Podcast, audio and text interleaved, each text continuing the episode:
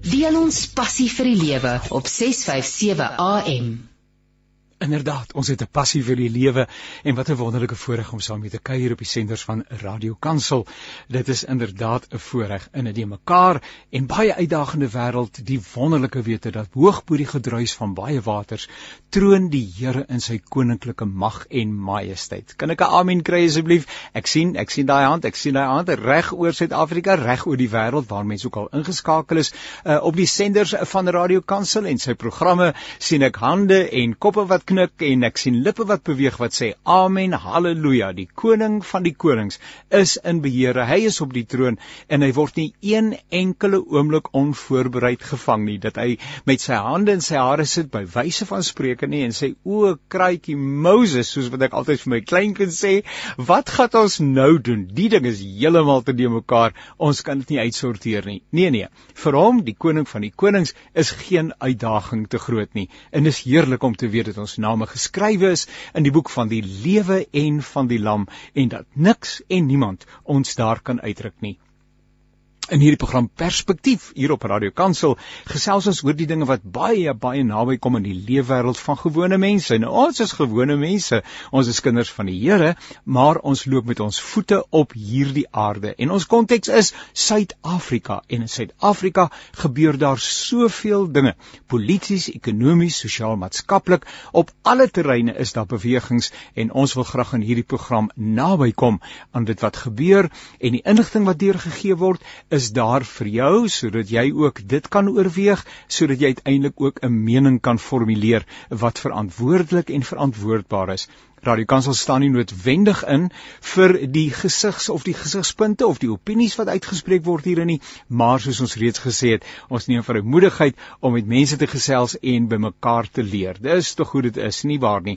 We must be willing to learn from one another. I don't know it all. Hey, we don't know it all. You don't know it all. There's always a new perspective that we can consider and that can lead us in uh, making wise decisions. I want to welcome you in the magnificent and wonderful name of Jesus.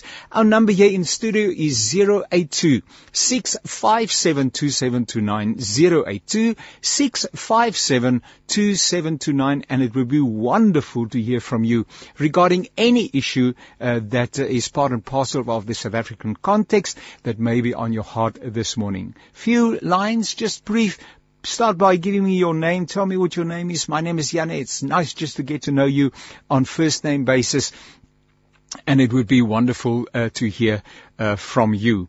0826572729. And welcome also to our listeners on all the various platforms that Radio Pulpit has available. Nou, dit is my baie baie groot voorreg om te gesels met uh, mense wat weet. En een van die mense wat weet is professor Andrei Dievenage. Kom ons hoor of hy aan die ander kant van hierdie lyn is. Dag sê professor Andrei. Môre Jannie, inderdaad is ek hier aan die ander kant en ja, interessante tye ook waarin ons leef. Sommer baie baie interessant. Dit is nou om dit sagkens te stel, nê? Nee? en met so 'n bietjie van 'n positiewe noot, maar u is baie besig want uh, op pad hierheen het ek u op 'n ander platform gehoor uh, waar u heerlik gesels het en ons moet volgende week bietjie aansluit by daardie gesprek uh, want die hele saak rondom of die verkiesings hierdie jaar moet voortgaan en of dit uitgestel moet word is uiters relevant. So dit sal heerlik wees om ook u perspektief in die verband te verneem. Maar professor Andrei, ehm um, die hele saak rondom die nasionale uitvoerende komitee se besluit in lyn met die 2017 Nasrek uh, byeenkoms uh, uh dat uh, binne 30 dae mense oor wie se se kop by wyse van spreuke daar bietjie van 'n uh agterdog uh, uh hang uh daar's bepaalde sake wat eers uitgesorteer moet word dat hulle moet aftree uittreë of hulle moet verwyder word. Ehm um, het ek nou die afgelope paar dae uh geraak gelees dat daar baie mense is wat bekommerd is uh oor 'n sogenaamde dreigement wat iewers uh die daglig sou sien, naamlik dat uh meneer uh, Magashule en uh die mense wat met hom assosieer Suid-Afrika uh tot stilstand wil dwing in die volgende in die volgende dae en weke. Ehm um, so 'n bietjie insig in die verband asseblief. Jannie, weet jy ja, die saak is eintlik op 'n manier eenvoudig, maar op 'n manier ook ongelooflik kompleks. Die groot ding kragte in die politiek is mag versus reg. Mag beteken steun, mobilisasie, invloed daai tipe goed. Reg beteken jou wette, jou strukture, jou grondwette en so meer. Nou as ek vinnig die lyn kan trek na die ANC, dis nou vir 'n tyd wat die ANC besluite neem en groot resolusies aanvaar. Maar wanneer dit kom by implementering, is die ANC baie swak. En dikwels kry jy die situasie dat hulle nie besluite implementeer nie. Dit wat aanvaar is, wat jy reg noem, is eintlik al 'n resolusie van die 2017 konferensie en dit is weer bevestig deur die integriteitskommissie van die ANC 'n paar uh, weer maande terug. So dis niks niets nie. Daar was wel kommissies oor hoe moet dit geïmplementeer word en hoe moet die toepassing lyk. Nou dis daar waar die problematiek is. Op 'n manier word dit gesien as 'n inisiatief van die Ramaphosa kamp om van opponente ontslae te raak. En daardie opponente sluit dan in die hele RET, die radikale ekonomiese transformasiegroep ja. met inbegrip van Ysma Geshule, maar dit sluit ook talle ander in wat weer koppelings en belange het in die rigting van Jacob Zuma hier in Noordwes Supramoamopelo en die Kaap is daar bepaalde belangegroepe en so aan. So daai konflik is nou aan die ontwikkel en wat meneer Magashule doen is om hierdie besluit eintlik te opponeer deur te probeer een van sy inisiatiewe en haar stalle is om die land onregeerbaar te maak.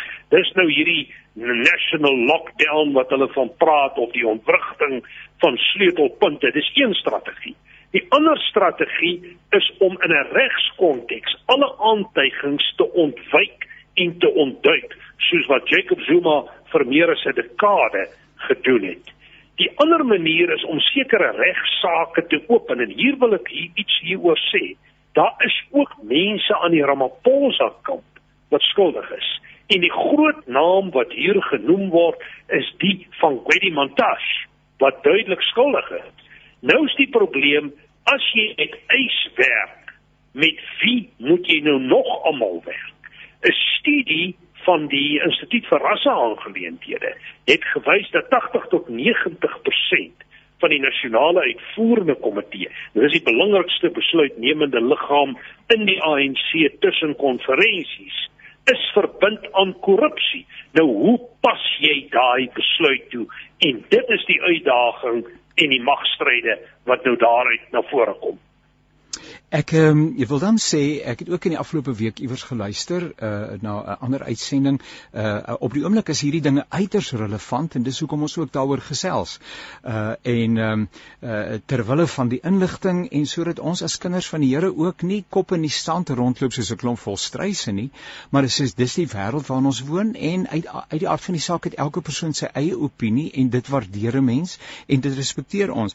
Maar dat dit tog wel met betrekking tot die opvolg uh, en uh, verhoor en afhandeling van bepaalde korrupsiesake merkwaardige vordering gemaak is in die afgelope maande. Is dit nie ook so nie dat 'n mens ook daarvoor moet waardering hê? Dis nie asof alles versand het nie, maar daar is tog 'n uh, eh, beweging in die verband. Ja, nee, ja, daar is inderdaad beweging.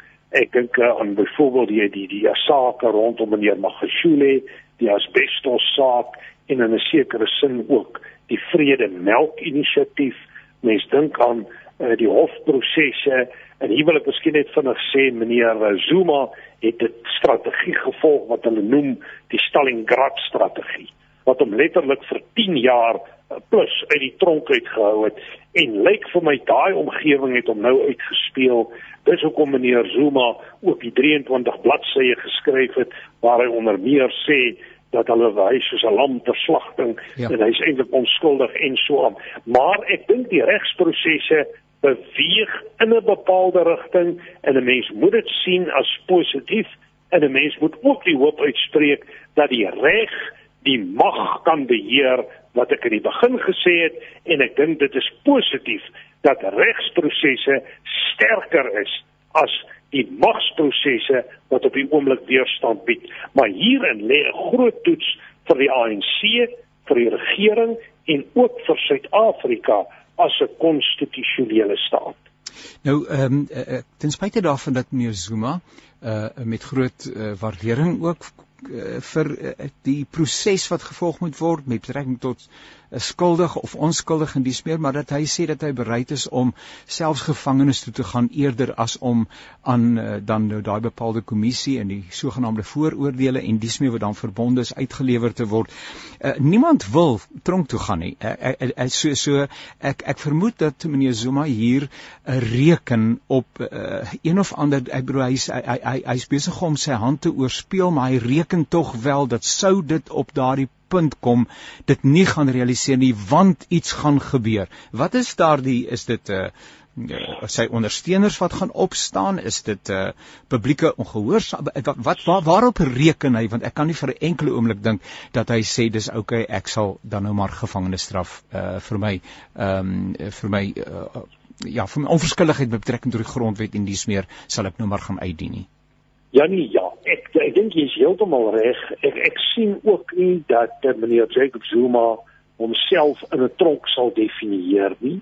Uh maar ek dink hy besef om getuienis te gaan lewer voor die sondekommissie ja. is om op 'n ander manier vir homself 'n doodsvonnis te teken.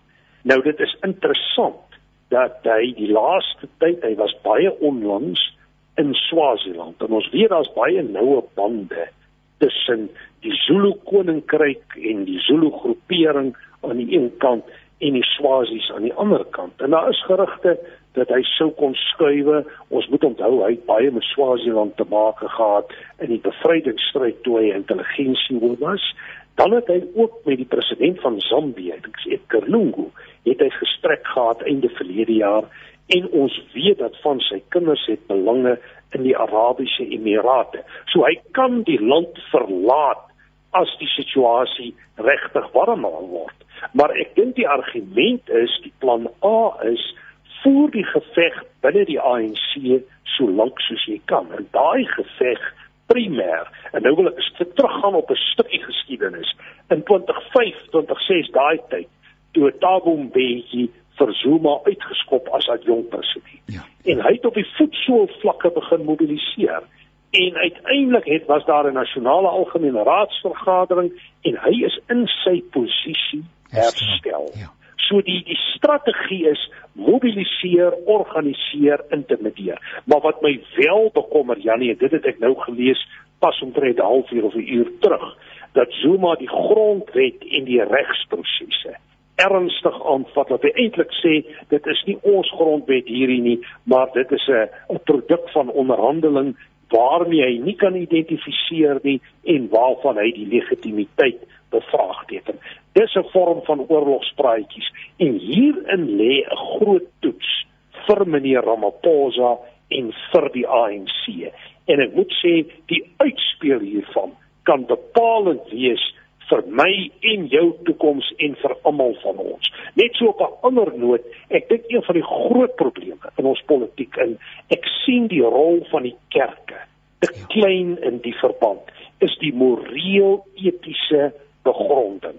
Jy hoor daarom dat mense soos Frank Chikane van tyd tot tyd en ander ja. biskop Tutu hulle opstaan. Ek dink dit is geweldig belangrik om in hierdie tyd van uitdaging en verandering die stem van die kerk, die morele waardes, die etiese begronding te te identifiseer as 'n grondslag vir die pad vorentoe. Ehm um, ek het uh, so met die een oor raak gehoor en ek het dit nie verder uh, nagelees nie, maar ek het tog wel gehoor dat uh, meneer Bantu Olomelisa uh, gesê het uh, gegeewe die die die paniek en die polemiek en die uh, die mekaarspel wat ons tans veral binne die die owerheid het, die regerende party, die ANC, uh, dat hy uh, daarop uh, wil wil dat hy wil voorstel dat daar 'n tussentydse regering kom uh, wat as ek reg verstaan apolities van aard is is om die dinge deur te sien tot tyd en wyl uh, mense net weer hulle huiswerk gedoen het en hulle huis in orde gekry het. Dis nou seker 'n stukkie wensdenkery, uh, maar sou so iets kon werk.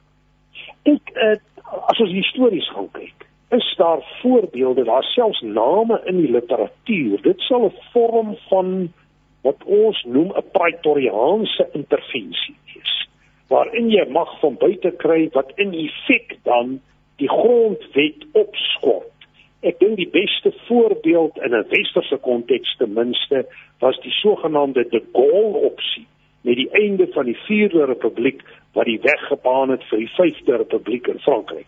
Maar ek wil onmiddellik sê ek lees glad nie ons politiek by daai punt nie. Trouwens, ek lees dit eerder dat die ANC nog sterker as van tevore aan hulle mag sal vasklou. Ons het trouwens die omgekeerde van dit juis gesien met COVID, waar die COVID reëls eintlik misbruik is om die grondwet te ondermyn en om letterlik eie belang waaronder korrupsie te onder daardie vlag te bevorder.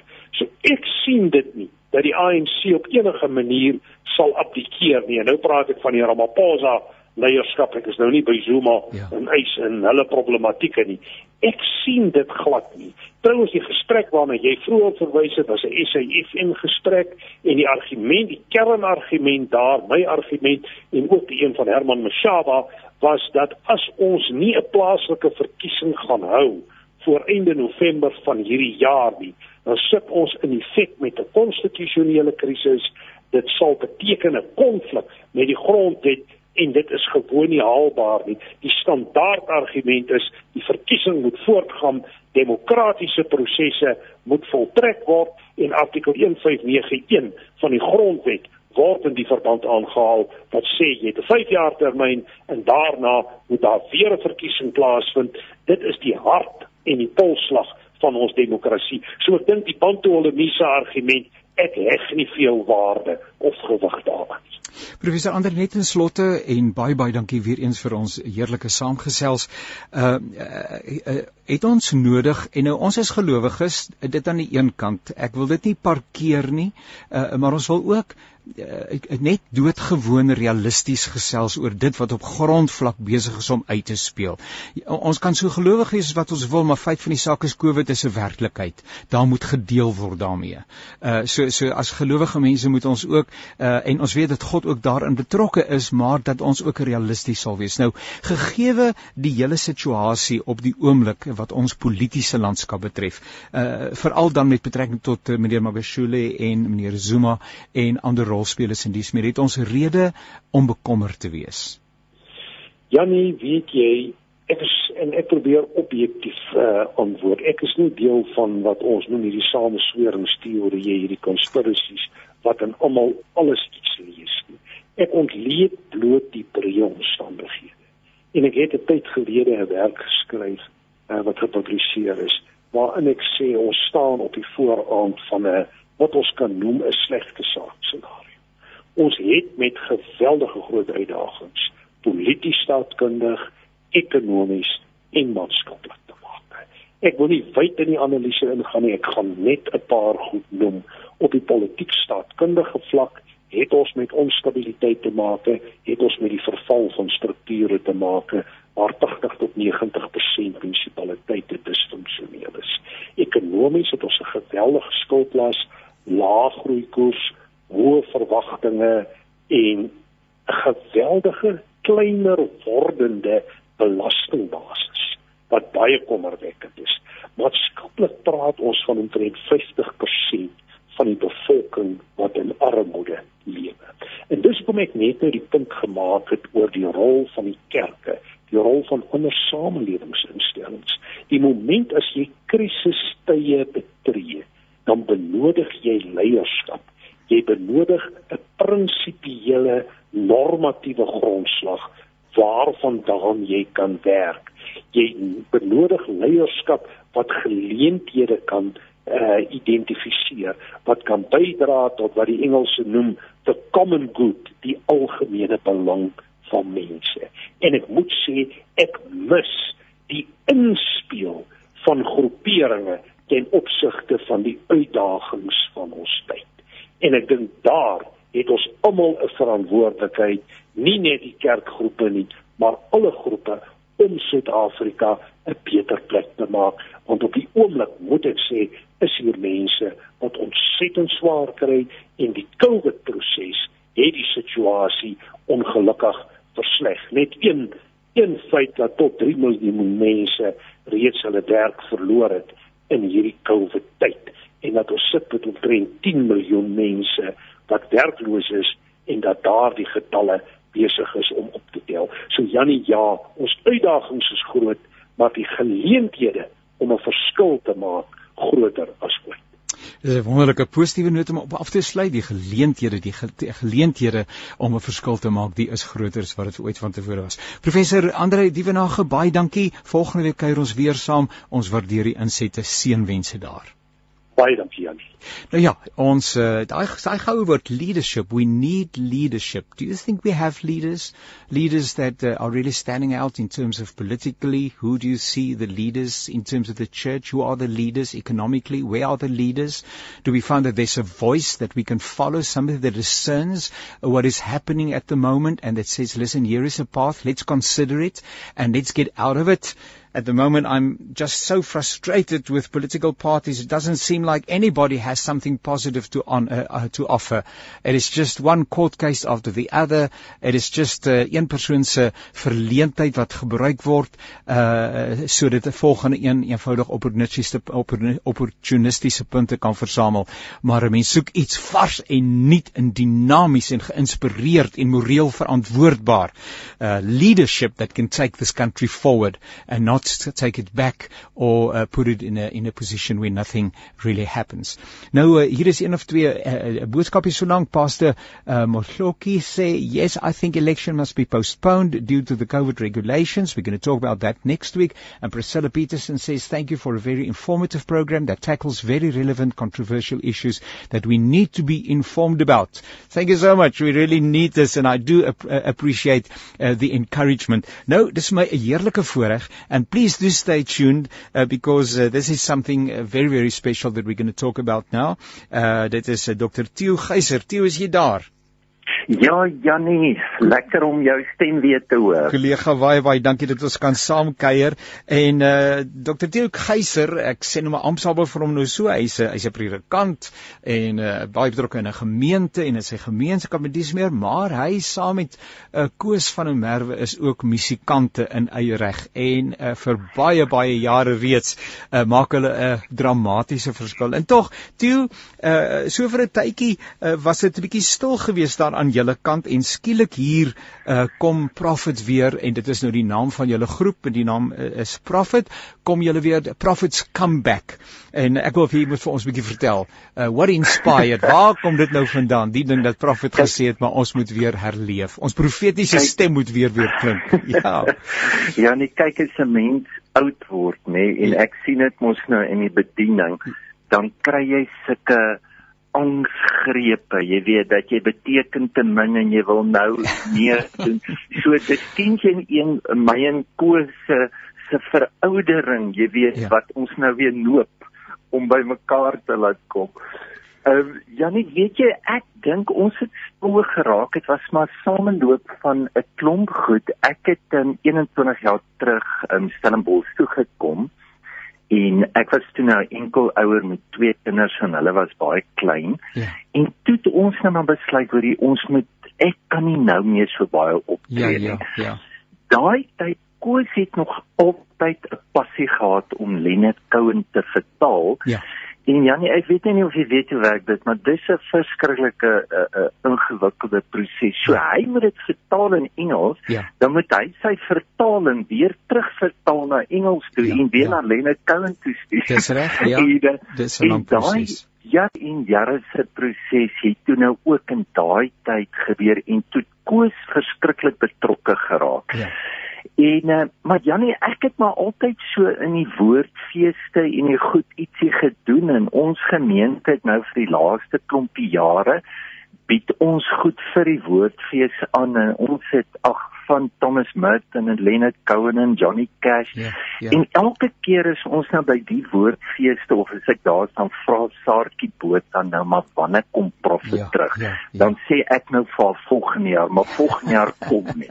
Verstaan jy? Ja, ja. En dit verlede jaar toe ehm um, dit ek en hy die voorprogram vir Johnny Cash gedoen en Jannie jy wat nou self baie optree en goed jy weet jy jy voel partykeer iets gebeur met jou en jy gehoor Ja.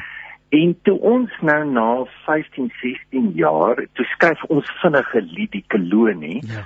En en toe ons daar is, jy weet, en ons voel weer wat daar gebeur. Jy weet, ja. toe besef ons hoorie maar ons moet nou iets doen en toevallig daai selfde dag hierdie inperkings met COVID begin. Ja. En jy weet vir die eerste keer het ek en Koos verskriklik baie tyd en ons praat en uh, toe is hierdie nuwe ding gebore. Ja. Dit is klink absoluut wonderlik en so aan en dit is so nê nee, dat as 'n mens op daai verhoog is, dis 'n gawe. Ou is die Here baie dankbaar daarvoor. Dis 'n geleentheid, ook 'n verantwoordelikheid, but the energy that flows between you and the audience. Daai daai energie.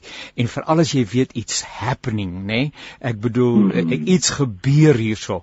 Uh, da, daar is nou min dinge wat daarmee kan vergelyk.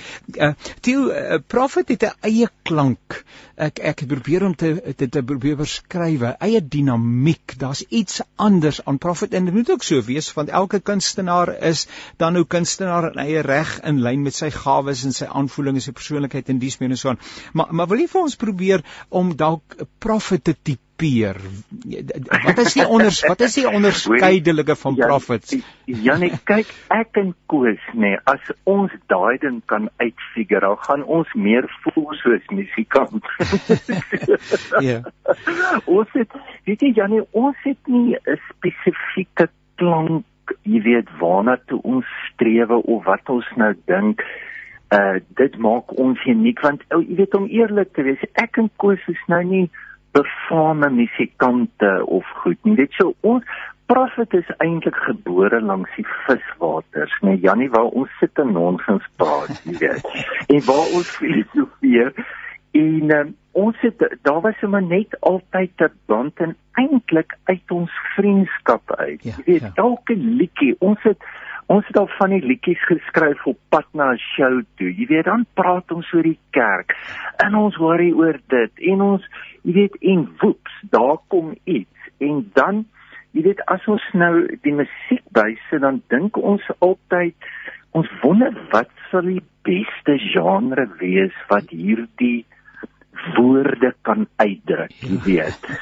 en en en dan ja, jy weet so van die mu musiek is nou nie so gebruikersvriendelik nie. Janie, want ons het ook nou nie ons dink nie ene hierdie kan wonderlik kommersieel werk en jy weet ons dink ook nou nie dis profit nie, ja, jy ja, weet. Ja, ja. So en en ek dink toe ons nou jonger was, jy weet en jy kom agter my jy's nou bietjie anders dink ek die jy, jy weet wat die gevaar is dan dan hou jy baie van jou andersheid.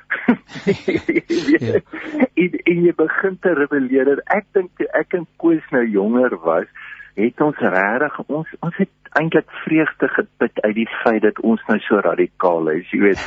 maar soos wat 'n ou nou ouer is, jy weet, kan dit ook nooit die ding wees nie. Jy weet jy jy voel tog jy wil iets wat jy ervaar van die Here wil jy probeer in woorde sit. Maar nou, jy weet, ek het groot geword in 'n familie wat baie betrokke was in die struggle. Ja. Jy weet, en ek het altyd gevoel ek is weird. Jy weet as jy nou standaard in 'n skool is en jy die enigste een wat nou in 'n in die verkeerde politieke party ja, is ja, ja. of wat ook al so, kan dit my mening en ek dink kosenering en dis wat profit profit maak. Ons ons het altyd gesukkel in die hoofstroom jy ja, weet. ja. en ons baie keer jy weet langs die op die sykant ervaar jy weet. En ek moet vir sê Janie toe ek 'n Christen geword het was die groot aantrekkingskrag van Jesus en reeds omdat hy so anders was. Ja, ja, weet, ja. Eerder, hy hy was nie hoofstroom nie. Nee, nee. hy het die hoofstroom lelik omgekrap. En en ek moet vir sê dit was iets wat my bekoor het, jy weet.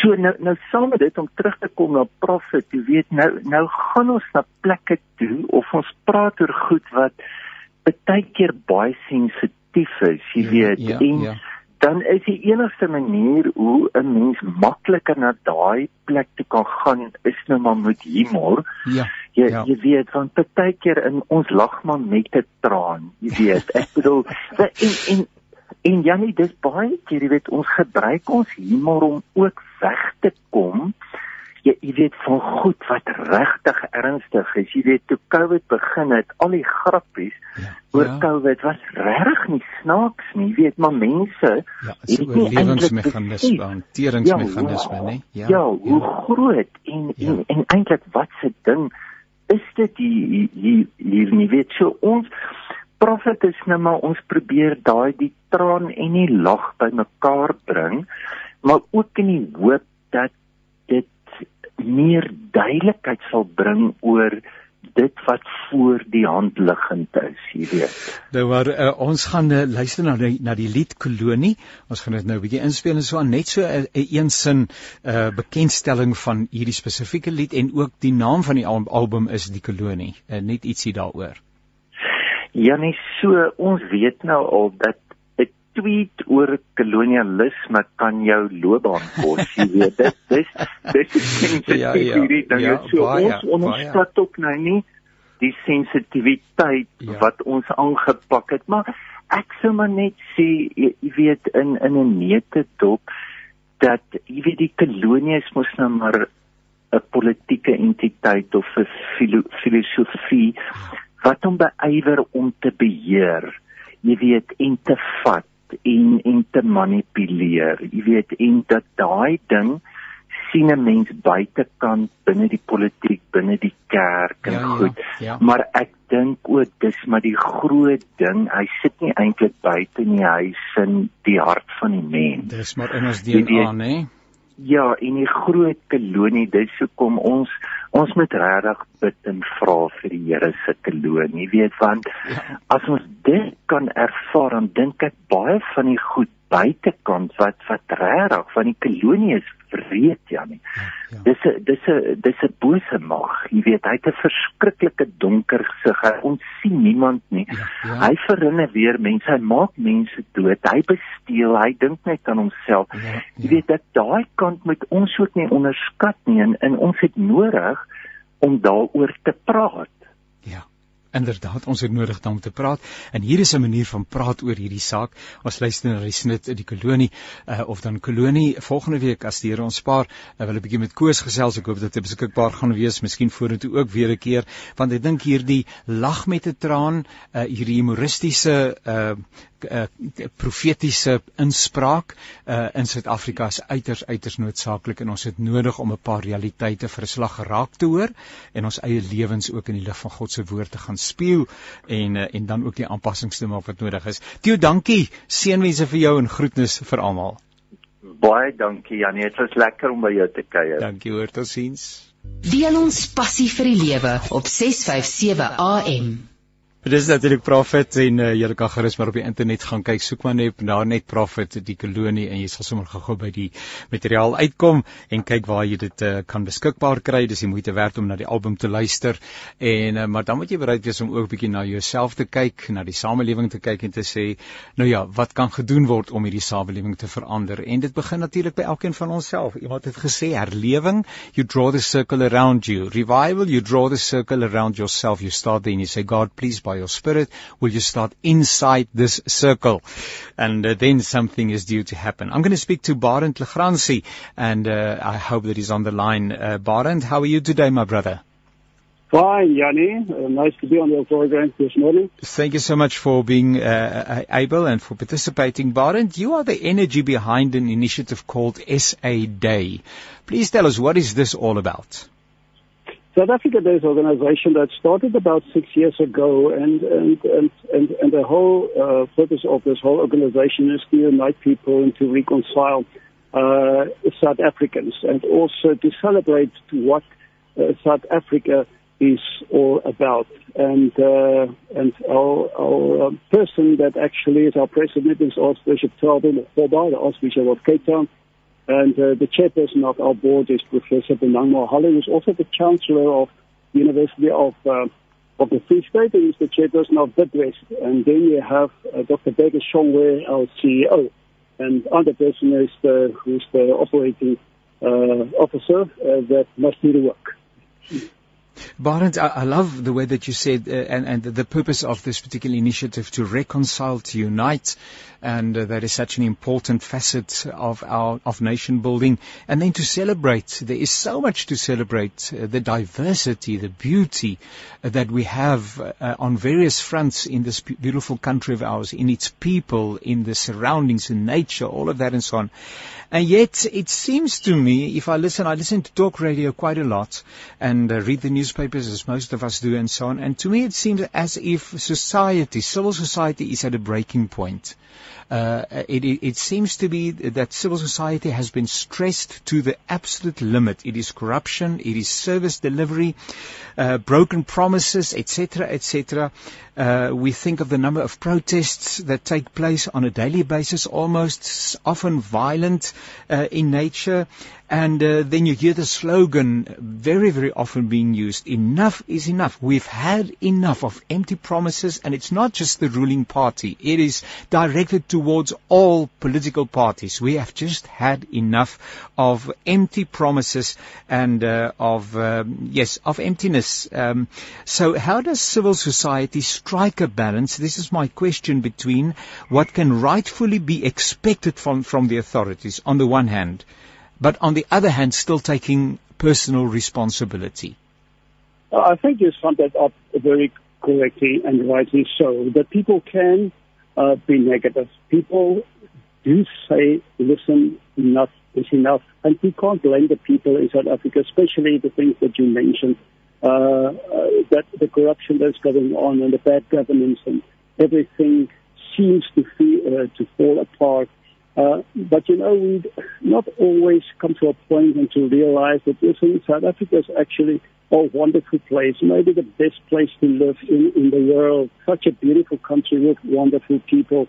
And that's the reason why we also uh, uh do this, what we are doing, to let people know that, listen, uh, all the problems, all the challenges in our country, it's not that it can't that you can't do anything about it. Unfortunately, the news are, are, are full of all the bad news, but now we come to a point that we, that, that we say, listen, we can't allow that the country is going into direction, into the direction that we have actually got used to over so many years of bad governance. But the time is over that we can just complain about the situation. We will come to a, we have come to a point we must also do it. Unfortunately, uh, we uh, can't just rely on the people in charge at the moment in South Africa. Uh, we must step forward and say, listen, we are um, uh, now stepping, to, we are coming to a point where we say, listen, now this is the situation, what can we do about it?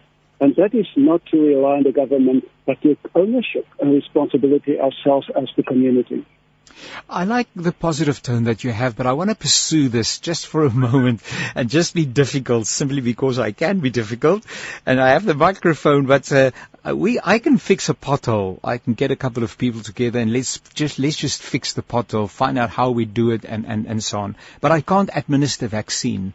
Uh, um, at the moment, even Zimbabwe is doing better than we are doing in terms of the rollout of vaccine. Actually, we've not even started with the vaccination program itself. We're still part of a of a research project. Uh, when I spoke to uh, uh, one of the scientists last week, uh, she emphatically said that we have not really started the rolling out uh, the the vaccine uh, program, working towards that immunity that we need in South Africa as a nation to survive COVID-19. Um, so so we have a cry out there. Is this desperation, and people are are, are making their voices known. And, and again, protests is a way of people um, uh, uh, bringing their voice to the to the, to to an audience. But is there somebody that listens? Is there a political will whatsoever? Uh, are we shouting, but it's in thin air? Nobody takes notice, or do you think people are noticing, and ultimately it's going to make a, a, a difference? Yeah. Yeah, no, you, you're quite right. You know, we were in a crisis before COVID-19. The fact that uh, there are uh, there's a problem with the vaccination and so on. It's no surprise. You know, if we look at the rest of the of the country uh, and what's happening there, uh, we, our problem started many years ago. And there was an outcry, but it, it, it seemed uh, a couple of years ago if nobody listened. You're talking about a political war. Unfortunately, uh, we must ac- accept the fact that there are no political will in South Africa. And then if there's no political will, some other will must come into place, and that is a community will, the will from the people to say, listen, uh, enough is enough, we must do something about it. And, and, and, and most of the people, unfortunately, it is so. We don't blame them for it to say, listen, we can't do anything about it. But actually, uh, we can do something about it. And we can, number one, is to to to let the government know that listen, they have a responsibility. If they are not going to listen, then we will do it ourselves. But it's going to cost them at the next election, for example. No, it hasn't happened. People actually, for so many years, voted on sentiment and and uh, uh, as a result of the history and and uh, and so on. But that time is over. Uh, fortunately, right over South Africa, uh, communities are standing up and to say, listen, enough is enough, but we are not going only to blame them, we are going to do something about it. And there are so many examples of very good stories that uh, we don't have to be discouraged anymore. There is a solution, and that is to take ownership ourselves. I hope some politicians are listening uh, this morning, or somebody that listens has a, has an audience with a politician, uh, especially people that are in positions of authority, and that they've heard this uh, what you've said. The time is over. I saw graphic a graphic presentation in the newspaper somewhere during the course of the week, and civil society is overtaking uh, the political uh, mandate and political parties and political things in this country. We've had enough of politics. Uh, we've had enough of political parties. We've had enough of empty promises. Uh, we've had enough of court cases because it simply seems as if this is what political parties are doing. They're just looking for somebody to make a mistake, then they take them to court and they hope to, to score political points. But you would look for something that is that is energetic, that's new, that is in, initiative coming from a political party. Say, listen, wait a minute. Here is a solution solution to the problems. Let's go this direction. We need leadership uh, very, very much. But um, you have experience, and, and, and you've pointed to this. You've had, you have experience of local communities, towns, and uh, and so on that have said, listen, enough is even enough. Enough is enough, and we're not going to wait for Mr. So and so or Mrs. So and so or Miss So and so or Burgemeester So and so to to turn up. They're not going to turn up they will turn up with the next election and make promises, but I mean, we won't see them again before another five years has, has, has gone by. Um, we're going to do something about our situation. Can you tell us about one or perhaps two uh, such communities, just to encourage listeners um, briefly? Um, tell us about communities where people have said, "Listen, but we can make a difference, and ultimately we can serve uh, reconciliation and unity, and also celebrate what is great and good about this country." Yeah, yes. Uh, the number one is we realized that more than four years ago that the solution is not coming, is not going to come from the top. Yeah. Unfortunately, now there's not a political will.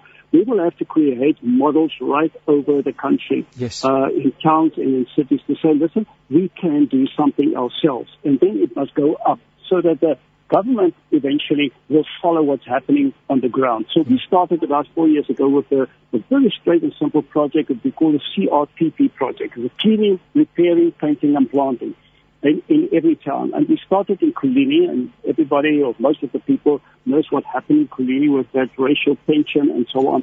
And they created in Kulini a peace forum uh, between the Kulini community, Tabalong Township, and also Scotland, the squatter camp there, and they made peace. And then we decided as South Africa Data organizations also to be part of that and to start a project because people can come together and they can sit around the table. But you know, when you talk peace, uh, everybody comes to the table with his own agenda in any case. Yeah, you know, yeah. uh, it, it works that way. But when you work uh, uh, together. When we come together with a specific project, everybody's working towards a specific goal, and then it's more sustainable that piece. And that happened in Kulini when we start this uh, kind of Kulini towns over makeover project with the cleaning, repairing, painting, and planting. uh, where we involve everybody. And, and, and it was a very good success. You know, since uh, uh, April, exactly four years ago, April in 2017, since that big uh, racial tension and, and violence actually happened, now after four years, not even one incident incident happened over the last four years. So if we talk about is there a guarantee it won't happen again? No, there's no guarantee. Yeah. But it has worked for the last four years. So that's the one that's the one thing. Senekal is another example. Uh, and, and, everybody knows what happened in October yes, last yes, year. Yes. We started the same project there, and you will not recognize Senekal anymore. The community of, of Matwabeng, Senekal, they came together, everybody of all political parties, uh, the farmers, the community leaders, everybody, they've worked together towards a specific goal, and they and they did so so much uh, in that community, in Matwabeng and, and Senekal, where they work together.